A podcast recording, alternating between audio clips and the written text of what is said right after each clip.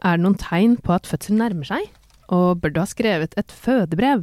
Og hva med den mye omtalte fødebagen? I dag handler det om forberedelser til fødsel i podkasten Ultralyd. I dag har jeg med meg jordmor Stine Lønne Vigestrand fra Oslo jordmor og ultralydklinikk, og med lang erfaring fra fødeavdelingen. Eh, Velkommen til deg, Stine. Tusen takk. Det med fødsel, det er jo noe alle gravide, tror jeg, har mye tanker rundt. Det er helt sikkert. Første gang jeg var gravid, så rakk jeg ikke å grue meg så veldig mye. For fødselen starta tre uker før termin, så det kom jo litt sånn brått på. Ja. Men jeg husker jeg tenkte, tenkte veldig mye på det, hvordan det kom til å være. Og det gjør jeg jo nå også, som jeg er gravid. Og det er rett og slett sånn, hvordan, hvordan vil det bli, når starter det? Og hvordan er det egentlig, er det noen tegn på at det nærmer seg, som man bør følge litt med på? Svaret er både ja og nei. Det kan jo være sånn at i de siste ja, ukene spesielt kanskje, så er det mange gravide som får økt med kynnere. At liksom livmoren jobber litt og trener seg litt på å lage rier, og man merker at det er, Mm. magen er veldig mye stram. Ja, det kommer mer enn det har vært før. Ja, for Mm. de fleste har jo gjerne også hatt litt tidligere, men at det, det, liksom, det øker litt på. Men det, det Mm. trenger jo ikke nødvendigvis være noe tegn, men det kan være det. Og sånn er det med mange ting egentlig, at det, mange snakker jo om den berømte slimproppen. Når den slimproppen har gått, er det Mm. da sånn at fødselen nærmer seg? Nei. Nei, det trenger ikke å være det. Nei. Nei. Så det kan jo gå én, to, tre, fire uker, ikke sant, Ja, fra man har observert en, og så Så det ligger en liten forventning i det, men Ja, mm. men det er mm, ikke alltid sånn, nei. det er ikke alltid sånn. På meg så var det vel, etter den gikk, så var det tre dager, og så gikk vannet, tror jeg. Ja. Så da var det veldig, det nærma seg. Ikke sant? Men, øh, og det også hadde jeg litt sånn forventninger om etter å ha lest uh, ja. Googla selvfølgelig masse om, om denne proppen. Mm. Men det trenger ikke å ha noen sammenheng der. Nei. Nei, for det er sånn som bare skjer når, det, sånn når fødsel kommer om ikke altfor lenge. Men det trenger ikke å være, ikke å være dager. Nei. Nei. Noen kan jo merke litt på kroppen, eh, få en liksom, følelse av at noe nærmer seg. Men, det, ja, men sånn, sånn kroppslig så kan det være at det, det kan fra ingenting til bang, så er det i gang. Ja, plutselig kan det bare begynne. Ja. Uten forvarsel, egentlig. Ja, rett og slett. For det er sånn bevegelsene til, eh, til fosteret og sånn, det trenger heller ikke å endre seg noe særlig, kanskje. Utenom at du har jo liten plass, da. Ja. Men, Mange opplever jo at eh, det er akkurat som det oppleves at babyen beveger seg litt mindre. Eh, Og det er jo trangt, Mm. Selvfølgelig. Men de beveger seg ikke, ikke noe mindre, egentlig. Nei. Eh, selv om fødselen nærmer seg også. nei, ok. Nei. Det er bare at det naturlig blir mindre, Ja. mindre boltreplass. Ja. Men da er det jo sånn at er det det minste ja, tvil, eller hvis man kjenner på en uro eller en sånn, ja, på at det ikke er nok spark, eller ja, Mm. at det endrer seg, så sier vi da må dere ringe til til Ja, til sant. sykehuset. Det er lav terskel for å ringe sånn på slutten, er det ikke det? Veldig, veldig lav terskel. Mm. For de som har født før, er det mm, Det lurer jeg veldig på selv også. Er det vanlig at det blir litt sånn lik, likt forløp som det var første gang, eller kan det være helt forskjellig? Med tanke på at vannet går, eller at eh, Det kan være veldig forskjellig, for det er jo to måter fødselen kan starte på. Enten så starter riene, eller så går vannet. mm. Mm. De fleste fødsler starter nok med at riene kommer først. Ja, ikke sant. Og enten så da etter hvert så går vannet spontant av seg selv, eller i noen tilfeller så vil man jo ta vannet. Så for samme kvinne, og for hvis hun har flere fødsler, så kan det på en måte være veldig ulik start. Ja. Med det som vel er ganske sikkert, er at sånn, sånn varigheten på en fødsel Mm. er veldig annerledes fra første til de fødslene som kommer etter det. ja, for det tar vel ofte lengst tid med første. Ja. Ja. Første på en måte barnet, liksom det er han eller hun som baner veien for de andre. Ja, det er jo det. Ja, ikke sant. Mm. Kroppen har jo aldri gjort det før. Og sånn med tanke på overtid og sånn òg. Så hvis man har født før, og det var før termin, så kan det også gjenta seg, eller? Ja, det som statistikken viser, i hvert fall sånn i forhold til det å føde til termin, så er det førstegangsfødende føder som regel flesteparten litt over termin. Ja, Ja. ikke sant. Så når man er annengangsfødende, eller de barna man får etter det, så er det kanskje ikke så stor sannsynlighet for at man vil gå over. Nei, ikke sant. Mm. Ja, for jeg også forventa litt Eller jeg fikk jo høre fra alle at uh, jeg, når jeg sa at jeg følte litt på meg at det kom til å skje noe snart, så var det sånn nei, nei, du kommer til å gå langt over. Ja. Men jeg, jeg hadde jo tre uker før termin, Ikke sant. Så da er det jo kanskje ikke så sannsynlig at det blir over nå heller. Det tenker jeg Mm. er riktig resonnert. Mm. Men de fleste førstegangsfødende forventer vel å gå litt over. Ja. Eller i hvert fall man er innstilt på at det kan bli sånn. Det gjør de, og det Mm. har nok også på, ja, jordmødre og kanskje også leger fortalt, forhåpentligvis. For det er helt greit, sånn at man tar høyden. på det. Ja, så Hvis Mm. ikke så blir ventetiden veldig veldig lang på slutten. Men det som man ser, og som er erfaring til veldig mange jordmødre som jobber kanskje med gravide når de kommer i et nytt svangerskap, det er at hvis ting har vært vanskelig første gangen, hvis de har hatt traumatisk opplevelse, eller opplevelse som setter seg litt, som man ikke kanskje har jobbet nok med, og ikke satt nok ord på. Ikke, ikke sant? Hvis den fødende alt jeg opplevde det traumatisk, da, at man, at man liksom får snakket gjennom det og sånn. Ja, ikke sant. Sånn at eh, de som er flergangsfødende, de er jo på en måte tryggere på en måte, men det er Mm. kanskje de vi opplever som er aller mest redde. Ja. For de har en erfaring, og de som har negativ erfaring, de som har hvor det bare suser og går, og de er kjempetrygge, men så er det Mm. de, de Ja, det er jo de som ofte søker hjelp i forhold til sånn, sånne egne samtaler og får Mm. fødselsangst. Man bærer liksom med seg Mm. det man opplevde. Det kan være veldig bra og veldig positivt, men det kan Ja, også være fryktelig negativt. Ja, for jeg, jeg også hadde jo sånn sist at jeg måtte settes i gang. Vannet gikk, og så måtte jeg settes i gang. Og så tok Ja. det kjempelang tid, egentlig, Ja. før det skjedde noe. Og det ble liksom veldig, veldig langtekkelig og veldig, veldig slitsomt. Og hadde sovet veldig lite natta før for, under observasjon. Ja. Og da ble det jo litt sånn Det ble jo ikke en veldig kul opplevelse, på en måte. Nei, ser du, du var sant, du starta litt, litt sånn sliten, på en måte. Ja, Ja. starta litt sliten, og var litt sånn på slutten at jeg sovna til slutt mellom, eh, mellom riene. Ja, Fordi jeg var så trøtt, rett og slett. Ja. Og, da, og ikke liksom klarte helt å være der. Uh, så jeg også tenker jo litt på det at jeg håper ikke det blir sånn neste gang. Mm. Men det er kanskje ikke så sannsynlig at det blir det samme. Nei, og det, er også, det, du- det som du forteller nå, er jo det at du, ikke sant, du blir igangsatt. Og der har du Mm. liksom, det er jo en helt annen start på en fødsel enn når kroppen gjør det selv. Den Ja, spontane ja. starten. Ikke sant? Så igangsatte fødsler er mye heftigere. Ja. Og det kan en samme kvinne si hvis hun har opplevd begge deler. Så Ja, er det veldig sånn Det er natt og dag. ja, ikke sant. Fordi da er kanskje ikke kroppen helt klar selv Mm. For å begynne.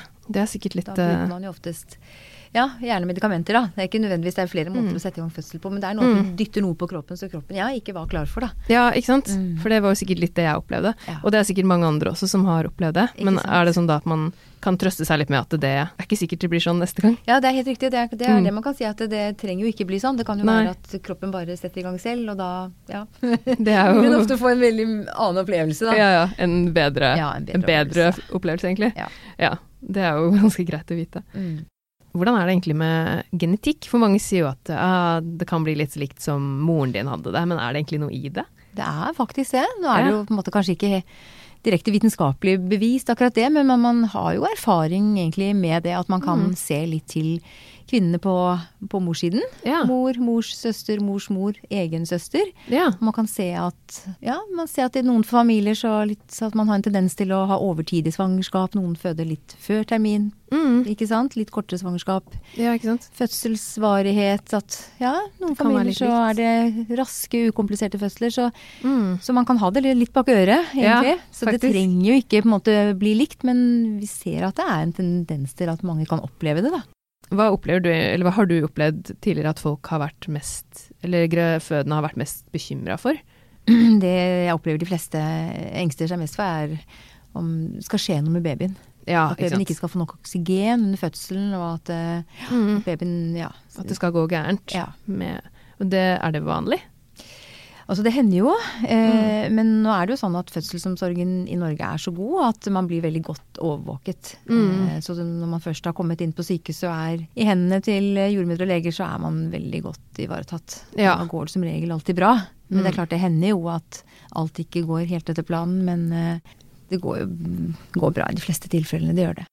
Det som nok mange tenker på også, er sånn om man skal få store skader selv. Ja, ja. Det er jo også heldigvis ikke så vanlig at mor Nei. får skader. Det skjer jo det også, men eh, det er det mange som tenker på. Mm. Eh, og så er det det å være redd for smertene, da. Ja. Mm. Så det er klart at eh, når man er førstegangsfødende og ikke vet hvordan dette skal kjennes ut i kroppen Man Mm. kan jo lese og man kan forberede seg og, og gå på kurs, det er jo veldig nyttig. Og skaffe seg på en måte mest mulig kunnskap ja, ikke sant. for å kunne sånn være trygg.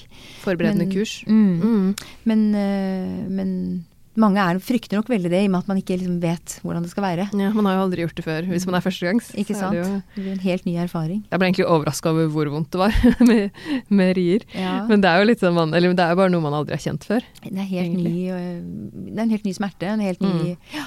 opplevelse. Og så er det i den settingen som det er. Det, Mm. det har jo en mening, på en måte. Ja, Altså, absolutt. det er jo, man skjønner jo hvorfor. Mm. Man vil jo gjennom det, selv om man gruer seg. Ja. Så vet man jo at man får en belønning, og da er man ferdig. Ikke sant. Sånn fødebrev, Ja. det er det jo noen som skriver. Og da Mhm. tenker man jo kanskje på sånn epidural og altså hvordan alt skal foregå. Mhm. Er det noe man bør ha?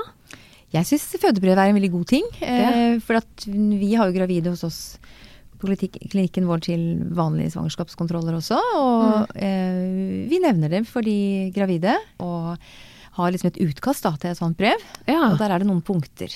ja. Så liksom brevet i seg selv, det er ikke sånn at man må liksom skrive, og det må være veldig, veldig liksom forseggjort, og man må ta det med. Men jeg tror Nei. prosessen i seg selv, å tenke litt over de punktene, for det handler veldig mye om at man har Det er en bevisstgjøring egentlig rundt det, da. Mm. Og det er jo Noe går jo på det konkrete, hvordan ønsker jeg at min fødsel skal være.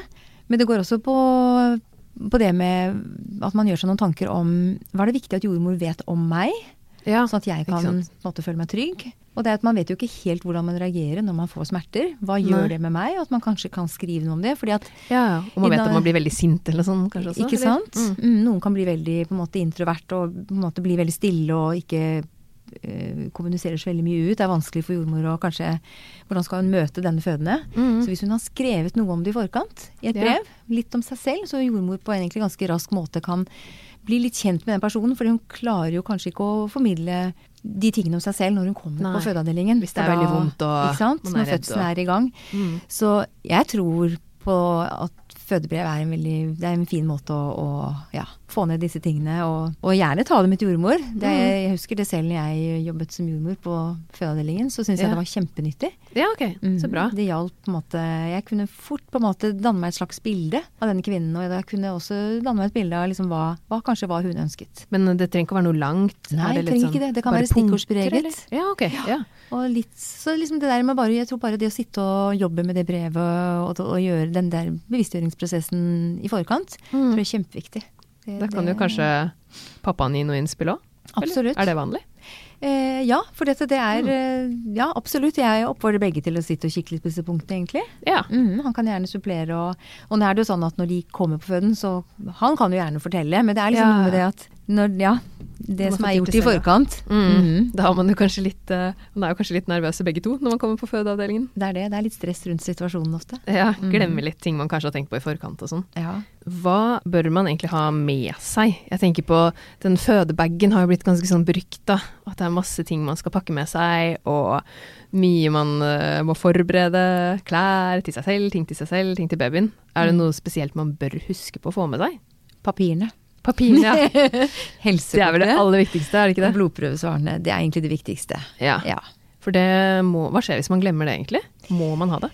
Det som er eh, Ja, man bør jo det. Det, Mm. det viktigste er egentlig i grunnen blodprøvesvarene. Fordi Ja. eh, det er jo en del forskjellige ting man tester for. Sånn at Mm. hvis man ikke har de svarene, så kan man jo risikere å måtte bli behandlet som om man er smittebærende. Ja, det ene eller det andre. Så Og Da blir det litt, plutselig litt andre ting å forholde seg til. Det gjør det. Mm. Så, så der må liksom, fra personalets side så må dette være liksom helt klarert, og man må vite. Mm. Mm. Man må vite det. Ja, så da er papirene er særdeles viktig. Ja, Mm. det er det man kanskje bør legge klart Ja. litt før, så man Mm. vet hvor man har det. Ja.